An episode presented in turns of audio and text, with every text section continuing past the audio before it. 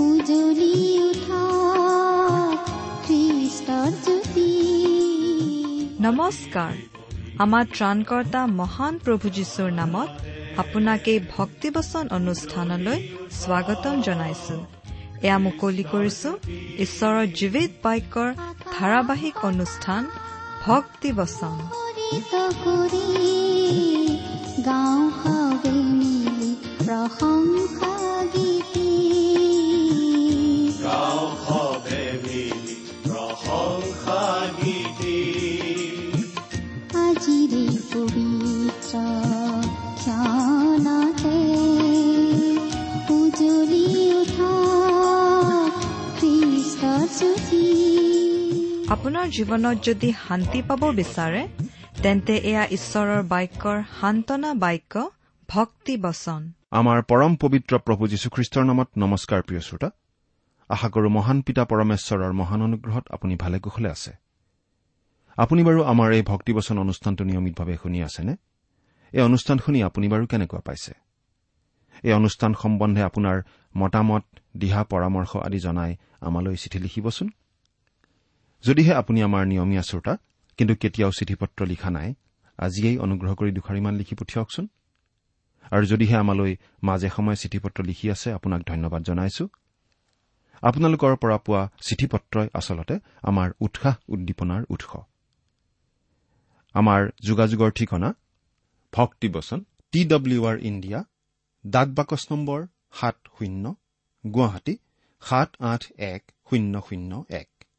ভক্তিবচন T W R India post box number seventy Guwahati seven eight one zero' zero' one আমাৰ website W W W dot radio' eight eight two dot com আহকচোন সদায় কৰি অহাৰ নিচিনাকৈ আজিও Bible অধ্যয়ন আৰম্ভ কৰাৰ আগতে খন্তেক প্ৰাৰ্থনাত মূৰ দুৱাওঁ। স্বৰ্গত থকা অসীম দয়ালু পিতৃ ঈশ্বৰ তোমাৰ মহান নামৰ ধন্যবাদ কৰো। তুমি সৰ্বশক্তিমান সৰ্বব্যাপী সৰ্বজ্ঞানী ঈশ্বৰ হৈও আমাৰ দৰে ক্ষুদ্ৰ মানৱক যে ইমান প্ৰেম কৰা সেই কথা ভাবিলেই আমি আচৰিত হওঁ। তুমি আমাক ইমানেই প্ৰেম কৰিলা যে আমাক পৰিত্ৰাণ দিবলৈ তুমি তোমাৰ একেজাত পুত্ৰ যীশুখ্ৰীষ্টকেই আমালৈ দান কৰিলা। তেওঁ ক্ৰুচত নিজৰ পবিত্ৰ তেজেৰে আমাৰ পাপৰ প্ৰায়চিত্ৰ কৰিলে। আজি তেওঁত বিশ্বাস কৰি আমি অনন্ত জীৱন লাভ কৰি তোমাক পিতৃ বুলি মাতিব পৰা হৈছো। তাৰ বাবে তোমাক অশেষ ধন্যবাদ পিতা। এতিয়া আমি তোমাৰ মহান বাক্য বাইবেল শাস্ত্ৰ অধ্যয়ন কৰিবলৈ ওলাইছো প্ৰাৰ্থনা কৰিছো তোমাৰ বাক্যৰ যোগেৰে আমাৰ প্ৰত্যেককে তুমি কথা কোৱা। আমাৰ শ্ৰোতাসকলক বিশেষভাৱে তুমি আশীৰ্বাদ কৰা। কিয়নো এই প্ৰাৰ্থনা মহান ত্ৰাণকৰ্তা মৃত্যুঞ্জয় প্ৰভু যীশুখ্ৰীষ্টৰ নামত আগবঢ়াইছো। প্ৰিয় শ্ৰোতা যদিহে আপুনি আমাৰ এই ভক্তিবচন অনুষ্ঠানটো নিয়মিতভাৱে শুনি আছে তেনেহলে আপুনি নিশ্চয় জানে যে আমি আজি ভালেমান দিন ধৰি বাইবেলৰ এখন পুস্তকৰ অধ্যয়ন চলাই আছিলো আৰু যোৱা অনুষ্ঠানত আমি সেই পুস্তকৰ অধ্যয়নৰ সামৰণি মাৰিলো। গতিকে আপুনি নিশ্চয় অনুমান কৰিব পাৰিছে যে আজিৰ এই অনুষ্ঠানত আমি বাইবেলৰ বেলেগ এখন পুস্তক অধ্যয়নৰ কাৰণে হাতত ল'ব বিচাৰিছো। আৰু সেই পুস্তকখন হৈছে বাইবেলৰ নতুন নিয়ম খণ্ডৰ জাকুবৰ পত্ৰ। জাকুবৰ পত্ৰ পুস্তকখন আজি আমি অধ্যয়ন কৰিবলৈ হাতত ল'ব খুজিছো। জাকুবৰ এই পত্ৰখন সাধাৰণ পত্ৰ নামৰ কেইখনমান পত্ৰৰ ভিতৰত প্ৰথমখন পত্ৰ। আনকেইখন হৈছে প্ৰথম আৰু দ্বিতীয় পিতৰ প্ৰথম দ্বিতীয় আৰু তৃতীয় জোহন আৰু জিহুদাৰ পত্ৰ। এই পত্ৰকেইখন সাধাৰণ পত্ৰ মানে? আচলতে সাৰ্বজনীন পত্ৰ। সকলোৰে বাবে খাপ খোৱা বা সকলো খ্ৰীষ্টীয় বিশ্বাসীক উদ্দেশ্য কৰি লিখা পত্ৰৰ নিচিনা। কোনো বিশেষ ব্যক্তি বা মণ্ডলীক উদ্দেশ্য কৰি এই পত্ৰখন লিখা হোৱা নাই। কিন্তু গোটেই খ্ৰীষ্টীয় মণ্ডলীৰ উদ্দেশ্যে লিখা পত্ৰ। এই পত্ৰখন যে জাকুবেই লিখিছিল সেই বিষয়ে নিশ্চয় সন্দেহ নাই। কিন্তু কোনজন জাকুবে লিখিছিল সেই বিষয়ে অলপ মতানৈক্য থকা দেখা যায়। আমি অন্তত তিনিজন জাকুবৰ কথা নতুন নিয়মত পাওঁ যিকেইজন আমি সহজে চিনি পাওঁ। প্ৰথমতে জোহনৰ ভায়েক জাকুব জেবিডিৰ পুতেক। তেওঁলোকক প্ৰভু যীশুৱে মেঘ গৰ্জনৰ পুত্ৰ নাম দিছিল। আৰু তেওঁক হেৰদ্ৰজাই চিমুন পিতৰক কাৰাগাৰত থোৱা সময়তেই বধ কৰিছিল। দ্বিতীয়জন হৈছে আলফয়ৰ পুত্ৰ। তেওঁৰ নাম পাচনিবিলাকৰ তালিকাত পোৱা যায় কিন্তু তেওঁৰ বিষয়ে বেছি কথা জনা নাযায়। তেওঁক আমি এই পত্ৰখনৰ লিখক বুলি নাভাবো। তৃতীয়তে আমাৰ প্ৰভু যীশুখ্ৰীষ্টৰ ভায়েক জাকুব। তেওঁ মৰিয়ম আৰু জোচেফৰ সন্তান হোৱা হেতুকে প্ৰভু যীশুৰো সতীয়া ভায়েক আছিল। মুঠিয়ে লিখা শুভবাৰ্তা তেৰ নম্বৰ অধ্যায়ৰ পঁচপন্ন নম্বৰ পদত আমি এই বুলি পঢ়িবলৈ পাওঁ। ই বাঢ়ৈৰ পুতেক নহয়নে? ইয়াৰ মাকৰ নাম মৰিয়ম আৰু ভায়েকহঁতৰ নাম জাকুব জোচেফ চিমুন আৰু জিহুদা নহয়নে? সেয়া প্ৰভু যীশুৰ কথা কোৱা হৈছে আৰু জাকুব তেওঁৰ এজন ভায়েক আছিল। প্ৰথম অৱস্থাত ভায়েকসকলে প্ৰভু যীশুক বিশ্বাস কৰা নাছিল। কিন্তু এসময়ত গৈ এই জাকুব জিৰচালেমৰ মণ্ডলীৰ মুখিয়াল হৈছিলগৈ। পাচনিৰ কৰ্ম পোন্ধৰ নম্বৰ অধ্যায়ত আমাৰ এনেকুৱা এটা ধাৰণা হয় যে এই জাকুবেই জিৰচালেমৰ মহাসভাত সভাপতি হৈছিল। তেওঁ এই গোটেই সভাখনৰ মুখনি মাৰি পবিত্ৰ আত্মাৰ নিৰ্দেশনাত গোটেই সভাখনক এটা সিদ্ধান্তলৈ আনিছিল। আমি ভাবো পাচনি পৌলে এইজন জাকুবকেই বুজাইছিল গালাটীয়া দুই নম্বৰ অধ্যায়ৰ ন নম্বৰ পদত। পঢ়ি দিব খুজিছো। আৰু মোক দিয়া সেই অনুগ্ৰহ জানিলে। তেতিয়া স্তম্ভৰূপে মান্য হোৱা জাকুব কৈফা আৰু জোহনে মোক আৰু বাৰ্ণবাক তেওঁলোকৰ সহভাগী বুলি সোঁহাত দিলে যেন আমি পৰজাতিবিলাকলৈ যাওঁ। আৰু তেওঁলোক চুন্নত হোৱাবিলাকলৈ যায়। আৰু আমি এইজন জাকুবেই এই পত্ৰখনৰ লিখক বুলি ভাবো। এই পত্ৰখন লিখা হৈছিল প্ৰায় পঞ্চল্লিছৰ পৰা পঞ্চাছ চনমানৰ ভিতৰত। কিছুমান লোকে ক'ব খোজে যে পাচনি পৌলে দিয়া শিক্ষাৰ বিৰোধিতা কৰি জাকুবে এই পত্ৰখন লিখিছিল। তেওঁলোকে যুক্তি দৰ্শায় যে জাকুবে কৰ্মৰ ওপৰত গুৰুত্ব দিছিল আৰু পাচনি পৌলে গুৰুত্ব আৰোপ কৰিছিল বিশ্বাসৰ ওপৰত। কিন্তু পৌলে লিখা প্ৰথমখন পত্ৰ প্ৰথম থিচলনিকীয়া প্ৰায় বাৱন্নৰ পৰা ছাপন্ন চনমানতহে লিখা হৈছিল। গতিকে জাকুবৰ পত্ৰখন লিখা হোৱাৰ পাছতহে পৌলে লিখা পত্ৰসমূহৰ প্ৰথমখন পত্ৰ লিখা হৈছিল। আচলতে এই জাকুবৰ পত্ৰখনেই নতুন নিয়মৰ সৰ্বপ্ৰথমে লিখা পত্ৰ আছিল। এইটো স্পষ্টভাৱে বুজা যায় যে জাকুবে লিখা পত্ৰৰ মূল বিষয় আচলতে বিশ্বাসহে কৰ্ম নহয়। পৌলৰ পত্ৰৰ মূল বিষয়ৰ নিচিনাকৈ এই জাকুবৰ পত্ৰৰো মূল বিষয় আচলতে বিশ্বাস। কিন্তু বিশ্বাসৰ ফলত কি উৎপন্ন হয় সেই কথাটোত জাকুবে জোৰ দিছে। জাকুব আৰু পৌল দুয়োজনেই বিশ্বাস আৰু কৰ্মৰ বিষয়ে যথেষ্টখিনি কথা কৈছে। তেওঁলোক দুয়োজনে বিশ্বাসৰ দ্বাৰা ধাৰ্মিক হোৱাৰ দুটা দিশ আমাক দেখুৱাইছে আৰু দুয়োটা দিশেই পৌলৰ লিখনিত সুস্পষ্ট। প্ৰথমটো হৈছে বিশ্বাস। আমি আমাৰ কৰ্মৰ বলত কেতিয়াও ধাৰ্মিক বুলি গণিত হ'ব নোৱাৰো। পাচনি পৌলে এই বুলি লিখিছিল ইফিচিয়া দুই নম্বৰ অধ্যায়ৰ আঠ আৰু ন নম্বৰ পদ কিয়নো অনুগ্ৰহেৰেহে বিশ্বাসৰ দ্বাৰাই তোমালোকে পৰিত্ৰাণ পালা। আৰু সেয়ে তোমালোকৰ পৰা নহয় ঈশ্বৰৰহে দান কোনেও যেন শ্লাঘা কৰিব নোৱাৰে এই নিমিত্তে সেয়ে কৰ্মৰ পৰাও নহয়। আকৌ টিত তিনি নম্বৰ অধ্যায়ৰ পাঁচ নম্বৰ পদত আমি এই বুলি পঢ়িবলৈ পাওঁ। কিন্তু তেওঁ নিজ দয়া অনুসাৰে নতুন জন্মৰ স্নান আৰু পবিত্ৰ আত্মাই নতুন কৰাৰ দ্বাৰাই আমাক পৰিত্ৰাণ কৰিলে। দ্বিতীয় কথাটো হৈছে কৰ্ম। আমি সৎকৰ্মৰ উদ্দেশ্যে ধাৰ্মিক বুলি গণিত হওঁ। সৎকৰ্মৰ দ্বাৰাই নহয় কিন্তু সৎকৰ্মৰ উদ্দেশ্যে।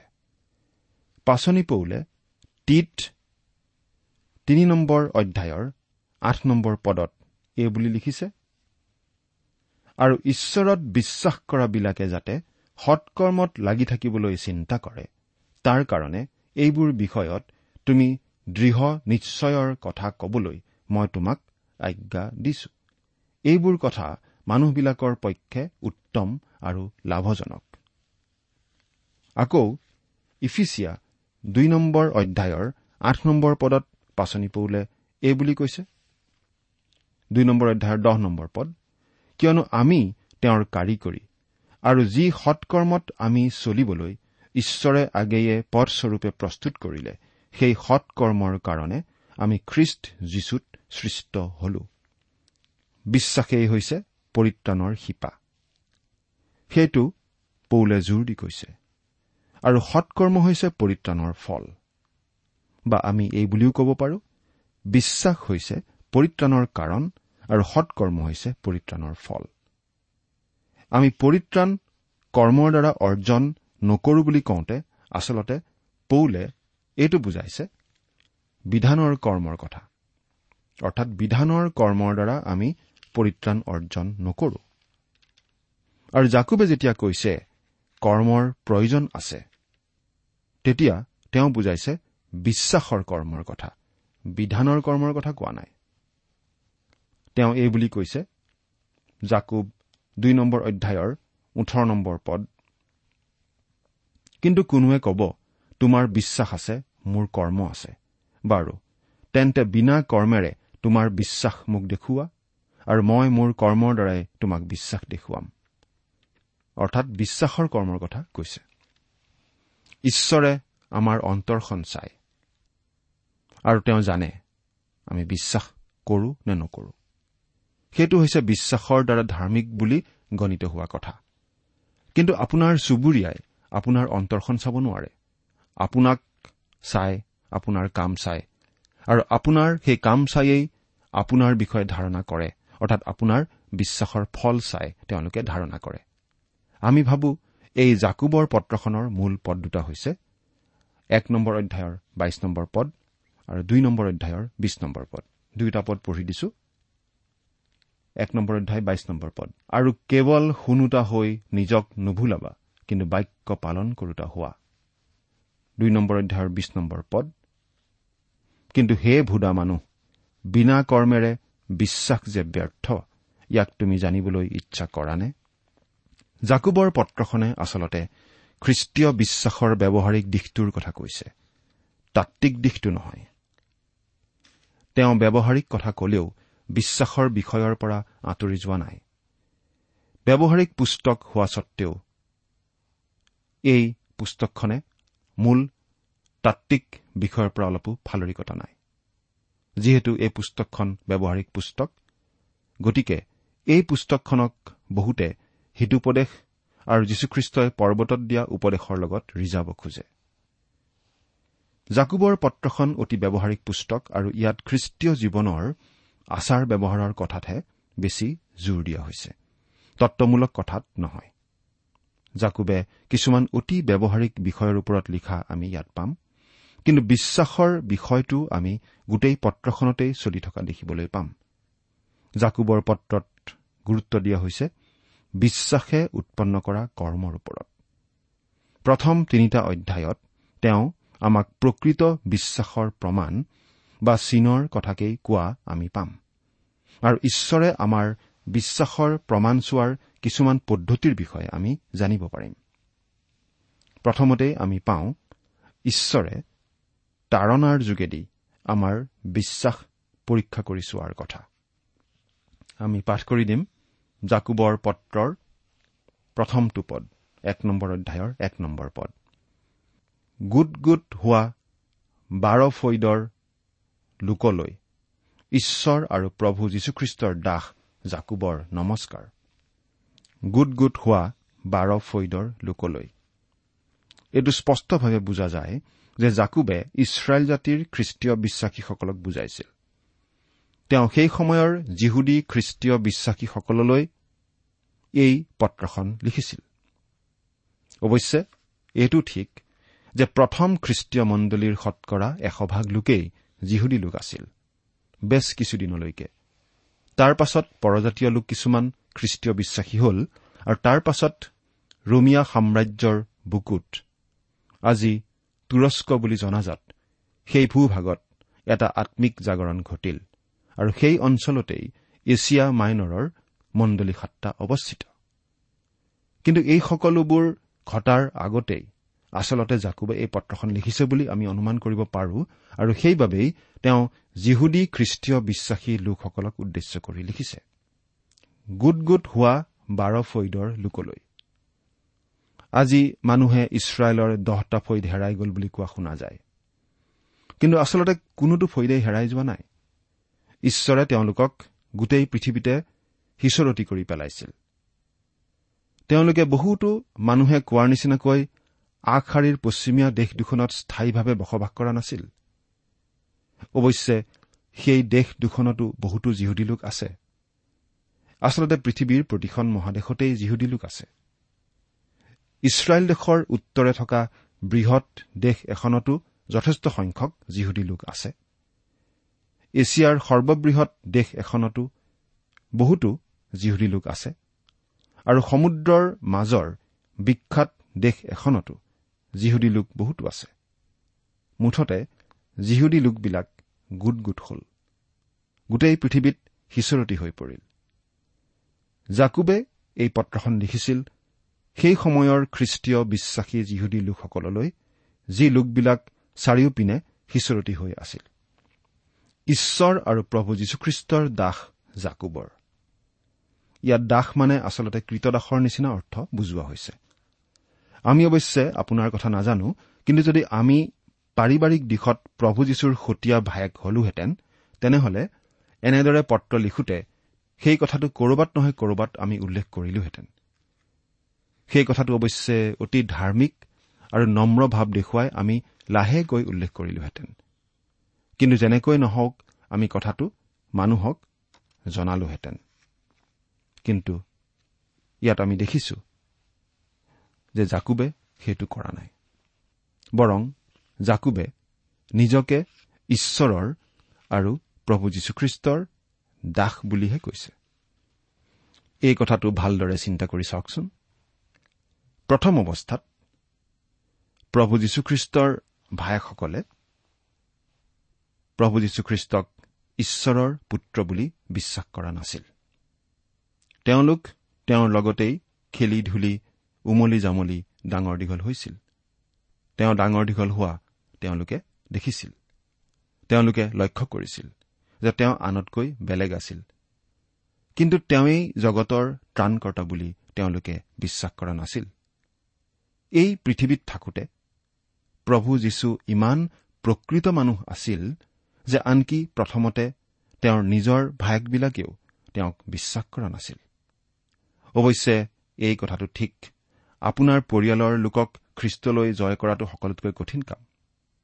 কিন্তু আমি তেওঁলোককেই খ্ৰীষ্টৰ কথা জনোৱাটো সকলোতকৈ প্ৰয়োজনীয় কথা।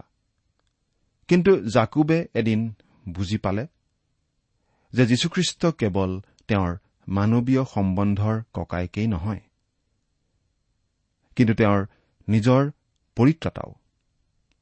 আৰু তেতিয়া তেওঁ যীশুখ্ৰীষ্টৰ দাস বুলি নিজকে চিনাকি দিলে।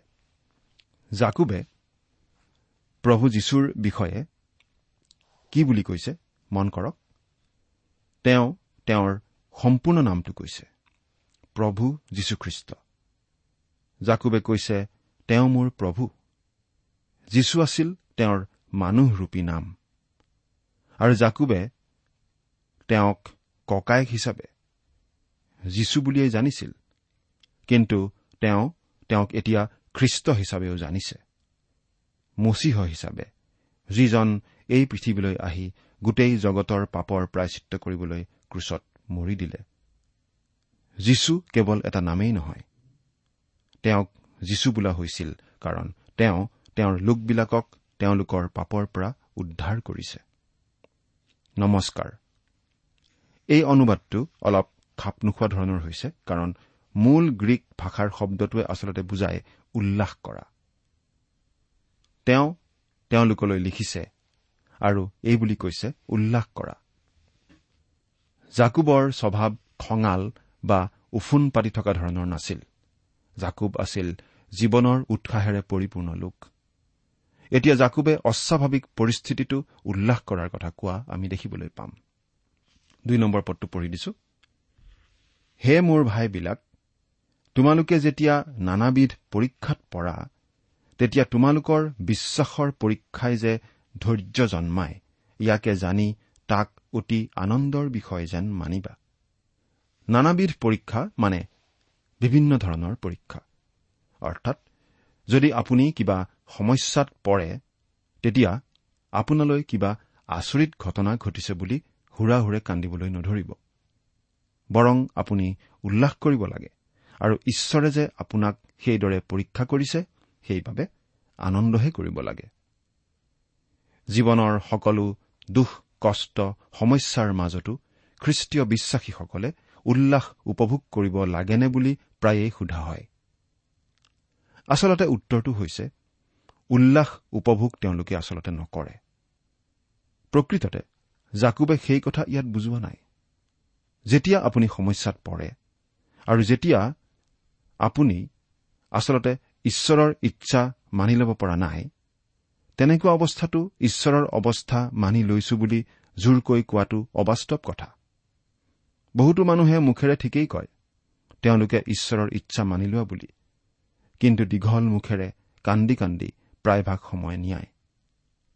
প্ৰিয় শ্ৰোতা যদিহে আপুনি উল্লাস কৰিব পৰা নাই তেনেহলে আপুনি আচলতে ঈশ্বৰৰ ইচ্ছা মানি ল'ব পৰা নাই। জাকুবে আমাক এই বুলি কৈছে যে ঈশ্বৰে আমাক এনেই দুখ কষ্টত পৰিবলৈ নিদিয়ে। ঈশ্বৰৰ মনত এটা বিশেষ উদ্দেশ্য আছে।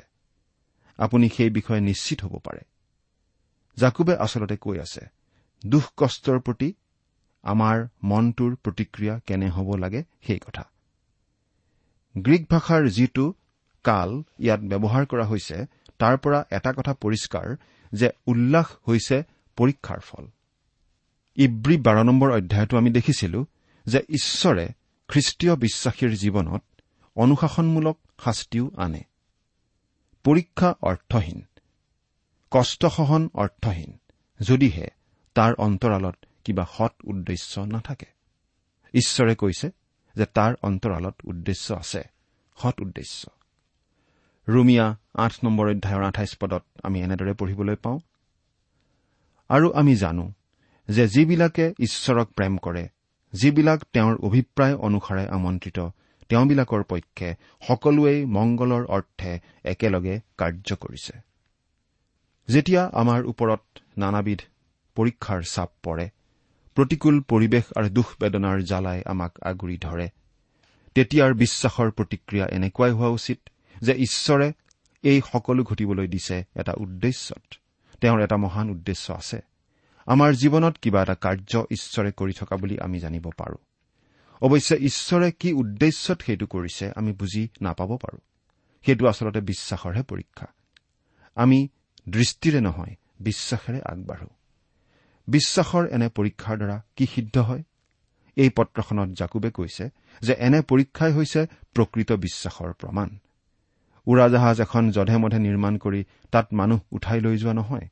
কাৰখানাত নিৰ্মাণ কৰাৰ আগতে বহুত পৰিকল্পনা হিচাপ নিকাচ কৰি লোৱা হয় নিৰ্মাণ কৰাৰ পাছতো প্ৰথমতে পৰীক্ষামূলক উৰণ সম্পাদন কৰা হয় আৰু তেনে কেইটামান সফল উৰণৰ পৰীক্ষা হোৱাৰ পাছতহে যাত্ৰীক উঠোৱা হয়। ঈশ্বৰেও আচলতে আমাৰ বিশ্বাস এনেদৰে পৰীক্ষা সিদ্ধ কৰিব বিচাৰে। ঈশ্বৰে আমাৰ বিশ্বাস পৰীক্ষা কৰাৰ মূল কাৰণ হ'ল বিশ্বাসৰ পৰীক্ষাই ধৈৰ্য জন্মায়। প্ৰিয় শ্ৰোতা আপোনাৰ বিশ্বাস বাৰু কেনেকুৱা স্তৰৰ বিশ্বাস? প্ৰভু যীশুখ্ৰীষ্টতেই সম্পূৰ্ণ ভৰসা কৰি আপুনি বাৰু চলিবলৈ শিকিছেনে? ঈশ্বৰে আপোনাক আশীৰ্বাদ কৰক।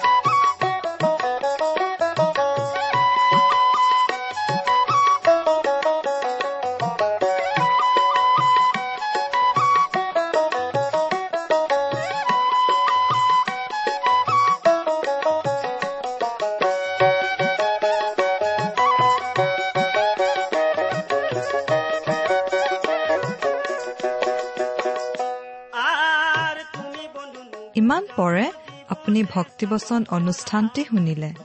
অনুষ্ঠানটি শুনি কেনে পালে আমালৈ চিঠি লিখি জনাবচোন। অনুষ্ঠানত প্ৰচাৰ কৰা কোনো কথা বুজিব লগা থাকিলেও আমালৈ লিখক। আমাৰ ঠিকনা ভক্তিবচন টি ডাব্লিউ আৰ ইণ্ডিয়া ডাক বাকচ নম্বৰ সাত শূন্য গুৱাহাটী সাত আঠ এক শূন্য শূন্য এক। ঠিকনাটো আৰু এবাৰ কৈছো। ভক্তিবচন টি ডাব্লিউ আৰ ইণ্ডিয়া ডাক বাকচ নম্বৰ সাত শূন্য গুৱাহাটী সাত আঠ এক শূন্য শূন্য এক।